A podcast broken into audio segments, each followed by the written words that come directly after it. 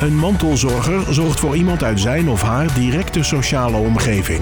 In deze podcastserie praten we met mensen die op verschillende manieren zorgen voor de mantelzorger, zodat zij altijd het gevoel hebben dat ze niet alleen staan en zelf gezond kunnen blijven. Tegenover mij zit Floor Hemels. Floor, welkom. Ja, dankjewel. En uh, in onze studio is ook Richard aangeschoven. Richard die is uh, achter de schermen altijd bezig met deze podcast. Misschien heb je de introductie ook wel zijn stem gehoord. Hallo Richard. Hoi. en Richard die, uh, die stelt af en toe ook een vraag als hij, als hij iets wil weten. Oké. Okay. Dus dan ben je daar alvast op voorbereid, Floor. Ja, prima. Floor, jij bent jonge mantelzorger. En je hebt een uh, afstuderen stage gelopen bij het mantelzorgcentrum. Ja, klopt. Beide inderdaad. Ja, en uh, is dat allemaal te combineren als jonge mantelzorger? Nou, zeker. Want ik uh, heb nu met mijn broer afgesproken dat ik op de zaterdag kom en op de woensdagavond. Dus de rest van de week zit ik gewoon lekker in de ochtend en in de middag aan mijn scriptie. Ja. Dat is prima te combineren, ja. Ja, en, en jouw broer is dus ziek? Mijn broer heeft nu ruim vijf jaar geleden een motorongeluk gehad. Um, daardoor heeft hij een zware hersenbeschadiging opgelopen. En sindsdien heeft hij hulp nodig bij eigenlijk alle algemene dagelijkse activiteiten. Ja. Uh, hij zit ook in een rolstoel, een elektrische rolstoel. En ook met communicatie is dat wat beperkter, waardoor hij uh, gebruik maakt van een, um, hoe noem je dat? Een iPad en daar typt hij zijn zinnen mee. Ja. En spreken gaat nog niet helemaal. Nee, nee. En je gaat dus uh, in, de, in de avond naar hem toe? Ja. En um, wat, wat doe je dan zoal? Nou, op, in de avond, woensdagavond, gaan wij lekker eerst uh, koffie drinken. En dan gaan we lekker spelletjes spelen of een filmpje kijken. En dan uh, gewoon een beetje zoals broer en zus, gewoon lekker samen dingen doen. Ja, ja. Dus uh, dat is gewoon jouw normale taak, zoals een normale taak ja. van een broer of zus kan zijn. Ja, hè? eigenlijk wel. Alleen je helpt dan hem met zijn koffie soms. Of ja. je doet net wat extra dingen voor iemand. Je helpt met een broodje eten. Ja. Of als het even niet gaat, dan, dan ben je er ook natuurlijk. Ja. Dat is dan misschien de extra ta taak die je hebt. Ja, precies. Want in ons voorgesprek, ik heb jou natuurlijk van tevoren even gesproken. Mm -hmm. Toen zei je ook van ja ik, ja, ik ben eigenlijk geen jonge mantelzorger. Maar nou ja, gaandeweg kwamen we er toch wel achter dat je echt wel een jonge mantelzorger bent. Ja. Kun je nu voor jezelf ook uitleggen wat het verschil is tussen jou en bijvoorbeeld je leeftijdgenoten? Ja, ik denk dat wat er sowieso gebeurt in je leven, dat maakt heel veel impact. Als je broer een ongeluk krijgt, dan is dat eigenlijk wel levensveranderend. Want Ja. je hebt een beetje leven voor het ongeluk en leven na het Ja. ongeluk. Woonde jij nog thuis toen, toen dat Toen ongeluk tijd wel, ja. ja. Ja. En jouw broer ook? Nee. Oké. Ik ben een nakomertje. Dus Oké. Mijn broers wat, eh, zijn een stukje ouder, zijn Ja. 15 jaar ouder. Ja. Ehm, even kijken, ja, je, sindsdien maak je altijd wel zorgen om iemands gezondheid en hoe het gaat in de toekomst, hoe het nu gaat. En eh, ook wel eh, dat je erheen, dat je er moet zijn, zeg maar, misschien dat. En dat je Ja. niet, ik ben er, ik kom er op zaterdag en ik ga dat niet afzeggen. Nee. Dat is gewoon iets wat je doet en dat hoort erbij. En dan als andere vrienden dan op het terras gaan zitten en dan snap je misschien niet altijd dat je meegaat. Nee. Maar En, dat kan gewoon niet. en is dat ook iets wat jouw broer aan jou vraagt? Mm, nee. Nee, dat komt echt uit jou zelf voort. Nou, de situatie is zo dat ik ook nog een andere broer heb. En eh, zij wonen samen bij hun vader. Ja. En zij twee hebben ook besloten om de zorg op zich te nemen na een tijd van het revalidatiecentrum. En ik wil daar gewoon mijn aandeel in betekenen, want Ja. zij dragen gewoon heel veel zorg. Ze zijn Ja. daar continu mee bezig. En als ik een paar uurtjes kan zijn om hun ook te ontlasten, dan vind ik het alleen maar heel erg fijn. Ja, En ik vind het ook gewoon heel erg leuk om tijd met mijn broer eh, eh, te, te hebben, omdat je ook beseft dat het ineens klaar kan zijn. ja, Dat heb je dan, dat, dat laat het dan wel zien, inderdaad. ja, precies. En je zei net, hè, van beg- vriendinnen begrijpen dat niet altijd. Hoe, ga je daarmee om? Nou, dat is er nu wel hoor, dat begrip. Oké. Ja, ik heb nu wel echt een aantal hele leuke meiden en ook jongens die het heel goed begrijpen. Ja, En ook wel een aantal vrienden die meegaan. Die meegaan, eh, als ik zeg, we gaan uit eten met David, zo heet mijn broer. ja, Dan gaan ze ook mee. Ja. We komen met oud en nieuw, waren we ook bij mijn broers. Dus dat is nu wel minder. Alleen het, vooral de eerste jaar eh, was het af en toe wel wat ingewikkelder. Dat mensen niet helemaal begrepen wat er aan de hand was. Maar dat begreep ik zelf ook niet helemaal misschien. Dus dan kan je het ook moeilijk uitleggen. ja, ja. Dus dat, dat, dat speelt dan ook een rol in het begrip richting je, je vrienden. Ja, dat denk ik Ja, wel, ja. ja. ja. ja. En, en heb je, ben je dan ook nog wel andere jonge mantelzorgers tegengekomen? Nee, eigenlijk niet. Nee. Nou ja, ik heb laatst dus met Lea gesproken. Ja. En daar heb ik wat dingen mee uitgewisseld natuurlijk. En dat was Ja. ook echt heel erg leuk. Maar voor de rest, nee. Nee, Lea is dan onze jonge mantelzorgscoach hè, bij het Ja. mantelzorgcentrum. Zij is ook eh, jonge mantelzorger geweest. Ja, en, hoe voelt dat om dan met haar dingen uit te wisselen? Ehm, ik vond het zo'n leuk gesprek. Ook omdat je wel kan delen dat je wat het zorgen betekent en wat voor impact het heeft. En dat het dus niet altijd begrepen wordt. En zij dat misschien wel wat meer begrijpt eigenlijk.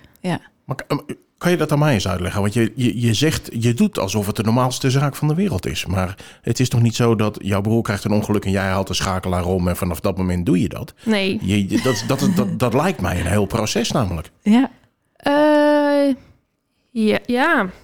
Kijk, dat eerste jaar was het wel anders. Toen eh, had ik ook een tussenjaar genomen na voor mijn opleiding. Dan ga je ook proberen daarmee om te gaan. En mijn broer heeft ook een tijd lang in coma gelegen. eh daarna in vegetatieve toestand. Dus dat is dan heel laag bewustzijn. Eigenlijk alleen met de ogen reage- reageerde hij. Ja. En ehm, toen het ook steeds beter ging. Dat is ook een beetje hoe je, je gaat... Ja, hoe je survivalt, zeg ik dat goed? ja, dat je altijd naar iets toekijkt en dat ook elke keer wel stapjes maakt. En voor mij was het wel gewoon, we doen het ook wel een beetje samen of zo. Misschien daarin. Met? met samen met? Nou, samen met mijn andere broer en mijn- zijn vader en mijn vader en moeder, dat je toch, je wilt zoveel mogelijk uit eh, David zijn eh, revalidatie halen. En daar wil je het heel graag je aandeel in hebben natuurlijk, al Ja. zijn dat kleine dingetjes. En is dat ook eh, richting ondersteuning, eh, richting je, je vader en je broer? Ehm, Dat je die knop omzet, bedoel ik dan? Ja, dat, ja, het is, nou, ja, weet ik niet zo goed eigenlijk of wat het is. Nee. Ik heb sowieso ook met mijn andere broer een hele goede band. We zijn heel, eh, heel eh, die heet Jeroen. Zijn wij heel, heel dicht bij elkaar. We hebben het eigenlijk echt samen gedaan. Vanaf moment één gingen we samen naar het ziekenhuis toe en samen naar het revalidatie. Dus het was altijd een beetje dat je het samen, samen doet. Ja, precies. Ja. ja. En dan eh, denk je er eigenlijk ook niet over na misschien. Nee, dat want gaat gewoon nee, zo. klopt. Want dat ook met ehm, dat ik er nu, dat Lea dat ook zei, van ja, je bent wel een jonge man te zorgen en ook in het gesprekken Ja. met jou. Ja, ik heb daar nooit op die manier over nagedacht. Nee, nee. Ik vertelde wel wat ik dan eh, dat ik op zaterdag heen ging en dat het eh, en op de woensdagavond en of op de zondag. En dat hoort er gewoon bij. Ja. Ja, dat, dat Is het ooit in je omge- opgekomen om gewoon nee te zeggen? ehm, ja, maar als het niet gaat, dan, dan geef ik het ook wel aan. Ja, Ja, die Ja. ruimte is er ook hoor. Want Ja. het wordt dus altijd tegen mij gezegd: Floor, jij moet ook je eigen dingen doen en je moet je eigen school volgen. Maar zelf hoort dit ook heel erg bij jou. ja, Dit is ook een onderdeel van jouw leven. ja precies. Dus dat wil je ook niet altijd. Nee. Soms is het ook belangrijker dan met je vrienden misschien wat leuks doen. Ja. ja, dat is ook zo. Dus eh, eigenlijk heb je het ook niet gemist, denk ik, dat je met iemand anders die ook jonge mantelzorger is, die ook deze ervaringen heeft, om eh, mee te praten. Nee, eigenlijk Nee. niet. Nee. Dat is ook wel gek hoor, want eh, nou ja, als je ook ziet, één op de vier jongeren is een jonge mantelzorger. Mhm. Dat je nooit iemand bent tegengekomen op school of ik weet Ja, niet of je ook nog aan sport doet misschien. Nee, ja, op school heb ik dus wel een meisje in mijn klas gehad. Eh, die haar vader had eh, niet aangeboren hersenletsel. Maar het ging niet per se om het, denk ik, het, dus het zorgen voor iemand, maar meer om het niet aangeboren hersenletsel waarmee je te maken hebt. Dat Ja. dat meer het gesprek was dan dat het echt. En, en waar gaat zo'n gesprek dan over? nou, hoe dat is als ineens iemand eh, een hersenletsel heeft en hoe iemand Ja. als persoon kan veranderen. En dat, daar hebben we het wel over gehad. Ja, En hoe is dat? Dat is wel heel moeilijk af en toe, ja. Want je hebt eigenlijk eh, je gezonde broer die je eigenlijk alles gunt. En eh, gezonde, leuke, grappige, knappe gast. Die nu toch wel eh, op veel vlakken beperkt is. En niet meer kan doen wat hij voorheen deed. En niet meer zelfstandig kan wonen. Ja, dat vind ik wel heel erg voor hem. ja, Is, is het dan ook dat al, als dat gebeurd is en je komt in zo'n diep dal terecht als gezin, denk Mhm. ik dan, dat je daarna ieder stukje ontwikkeling ook ziet als een stukje winst in plaats van, goh, wat is het erg wat hij allemaal niet kan. Dat je gaat denken van, oh kijk eens, hij, hij is er weer, hij kan dat weer, hij kan dat weer. Ga, probeer je op die manier er dan doorheen te...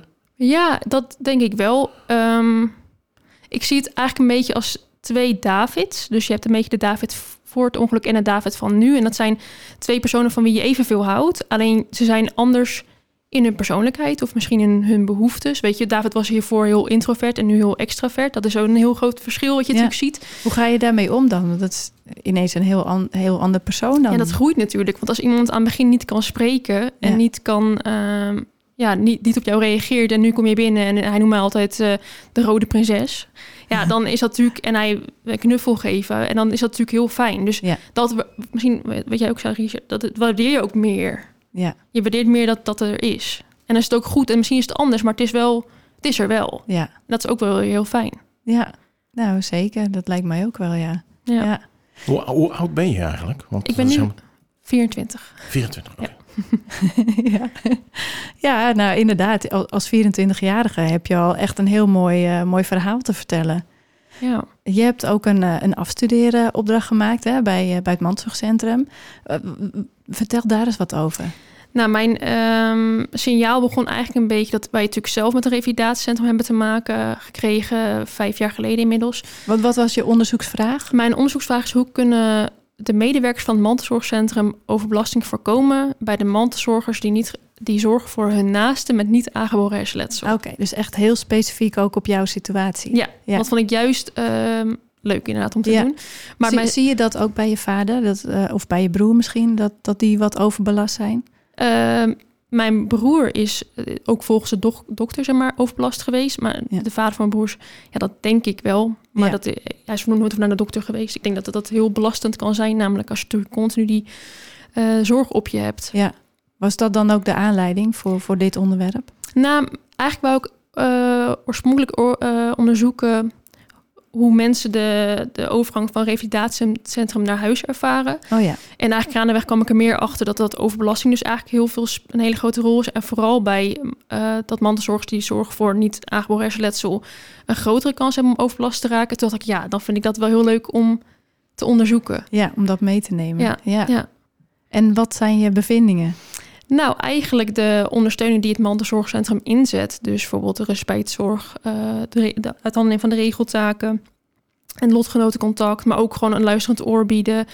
Uh, dat, dat werkt eigenlijk heel goed. En dat, dat zowel de mantelzorgrespondenten als de medewerkers die zeggen dat allebei, maar ook de literatuur.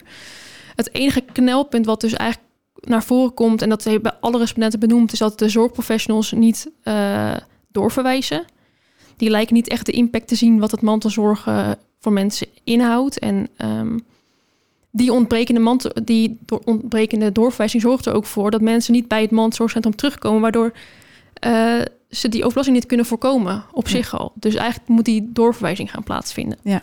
Dus dan ligt het echt, uh, uh, ligt er een taak ook bij het mantelzorgcentrum, denk ik, maar ook bij de zorgprofessionals om die mantelzorgers uh, te verwijzen. Ja. Wat is dan zo belangrijk in, in die ondersteuning om die overbelasting te voorkomen?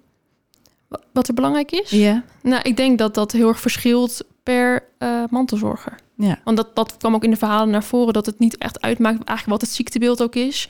Maar dat, dat de een lotgenootcontact heel prettig vond, de ander tot, wou totaal geen, uh, totaal geen behoefte aan ondersteuning. De ander die wou juist weer meer de, de regeltaken. Dus het is heel divers eigenlijk. En ja. dat is het mooie dat het mantelzorgcentrum dat wel aanbiedt. Ja, dus dat is ook echt maatwerk. Per ja. persoon verschilt het heel erg. Ja. Heb je dan ook nog gezien of dat in niet aangeboren hersenletsel bepaalde behoeftes zijn?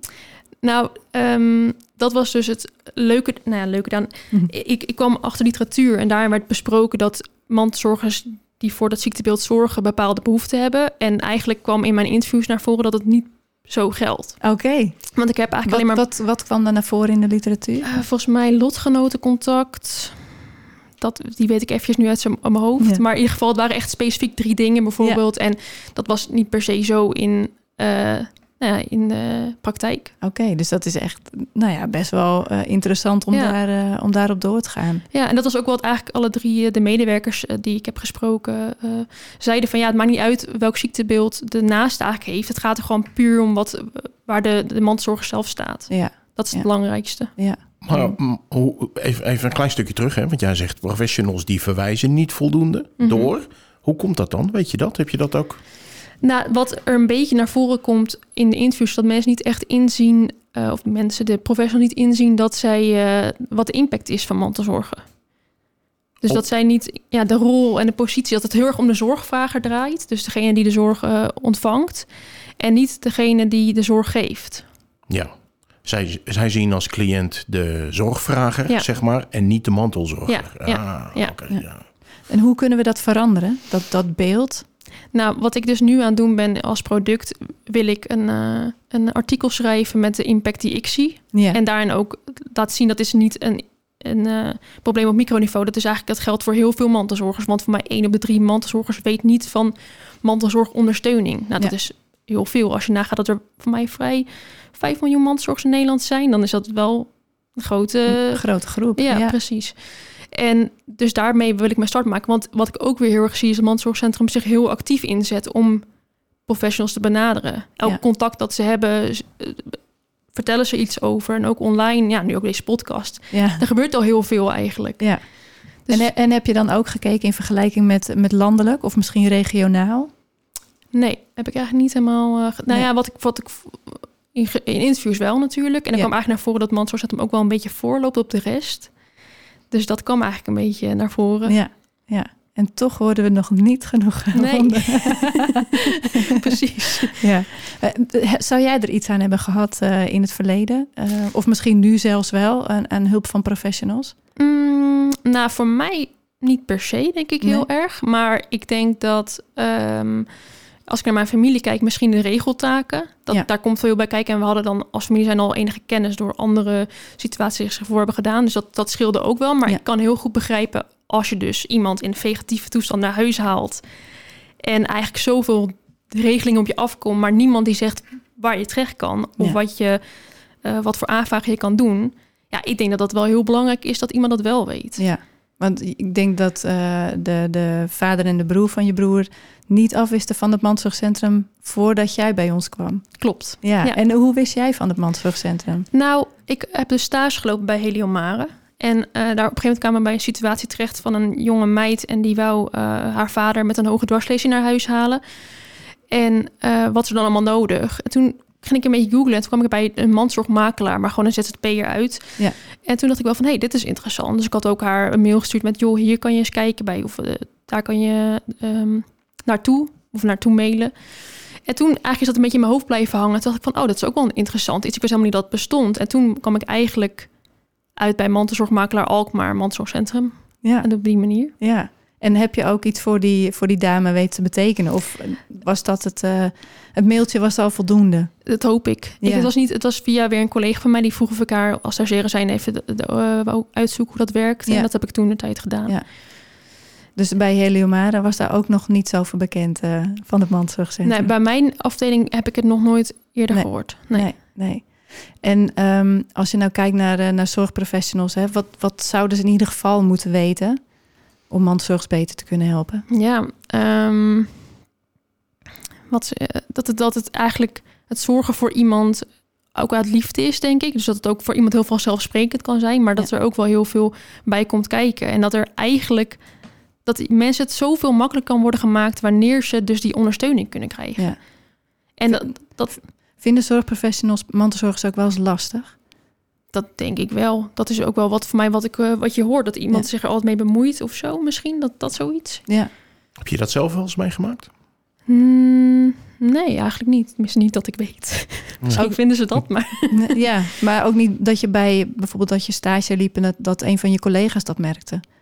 Oh, van mij, dat ik een... Ja. Ja. ja, nee, eigenlijk is het niet echt benoemd. We hebben het er wel over gehad natuurlijk, uiteraard. Maar niet op die manier... eh, nou, wel, er is wel zeg maar gezegd van... joh, je moet eh, je eigen dingen wat meer gaan doen of zo.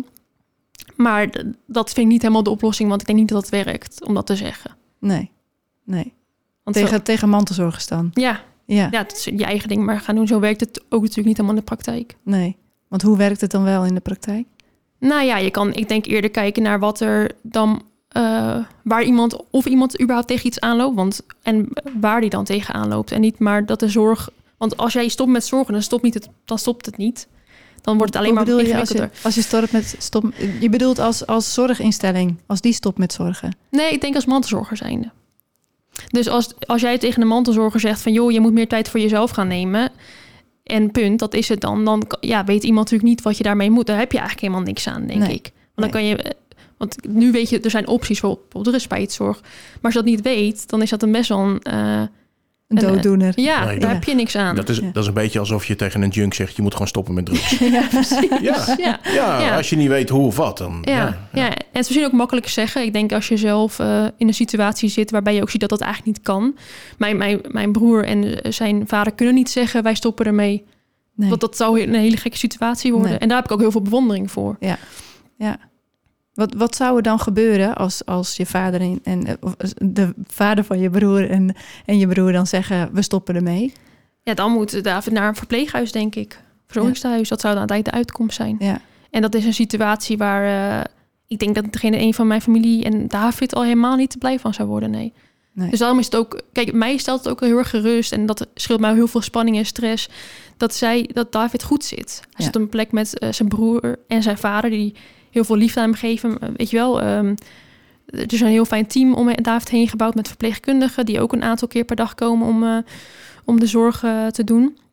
Dat geeft gewoon heel veel geruststelling. Ja, Het En- is, wat mij opvalt, hè, jij bent, dan, jij bent eh, 24 en we, we hebben hier nog een andere jonge mantelzorger ook aan tafel gehad in een andere aflevering. Eh, de manier waarop je praat is, is helemaal niet de manier waarop een 24-jarige praat. Oh. Re- realiseer je dat? Nou, nee. Nee, maar je, je, je, je, je klinkt veel volwassener. En dat komt ook omdat je, je hebt een enorme verantwoording op je schouders. En nou, dat zei ik aan het begin ook al. Je, je doet net alsof dat de gewoonste zaak van de wereld is. Maar Ja. voor iemand die aan de buitenkant staat. Ik sta heel erg buiten die cirkel. Mhm. Ja, ik vind het helemaal niet... eh, ik, kan me, ik kan me voorstellen dat ook dat iets is... wat een afstand kan scheppen naar jouw vrienden van voor het ongeluk, zou ik maar zeggen. Ja, ja, precies. Ja, ik denk dat het ook is. Ik heb met mijn opleiding heb ik heel veel over geschreven. En eh, dingen over nagedacht. Dus ik heb, kan het ook heel goed woorden geven, denk ik, wat ik voel en wat ik vind. En dat heb ik ook wel heel erg geleerd. En dat komt me nu eigenlijk wel goed uit. Maar dat heeft ook tijd lang geduurd. Want voorheen wou ik er niet over praten. En nu kan ik er heel makkelijk over praten zelfs. En denk je dat dat komt om, omdat je jonge mantelzorger bent? Dat, dat je daar meer over gaat nadenken? Los natuurlijk van de situatie, maar dat je jezelf ook meer volwassen voelt. Ehm, nou ja, ik weet niet zo goed of het met mantelzorg te maken heeft. Ik denk dat het voor mij meer met het stukje rouw te maken had eh, vanwege het hersenletsel. Ja. En dat ik daarmee, dat komt dan op een gegeven moment een beetje samen. Want uiteindelijk kom je er ook achter dat het, dat- het jou helpt in de rouw om iemand, eh, eh, om er te zijn voor iemand, Ja. zeg maar.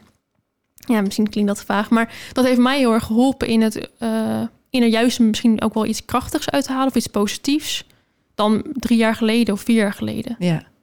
En is dat ook iets wat je dan bij anderen, zoals dat meisje in je klas, hè, die ook voor haar vader met de NH zorgt, is dat ook iets wat je dan bij andere jonge mantelzorgers herkent? Ehm, nou, Of misschien anders gezegd, iets wat je niet zo snel ziet binnen jouw eigen leeftijdsgenoten.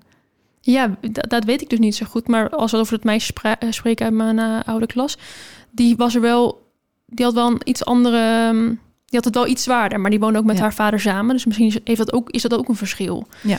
Dus dat kan ik niet zo goed. eh, Dat kan je niet zo goed Nee, zeggen. beantwoorden. Nee. nee. Hey, en, en heb jij ook nog een tips voor andere jonge mantelzorgers?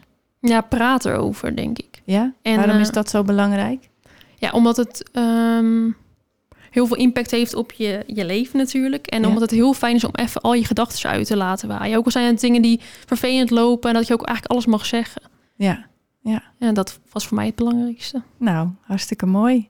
Floor, dank je wel voor Ja. dit mooie gesprek. Jullie ook bedankt. Oké. Wil je nou meer weten over dit onderwerp? Ga dan naar onze website mantelzorgcentrum.nl. Bedankt voor het luisteren en tot de volgende keer. Dit was Mantelzorger. En nu een samenwerking tussen Streekstad Centraal en het Mantelzorgcentrum. Meer informatie over mantelzorg is te vinden op mantelzorgcentrum.nl.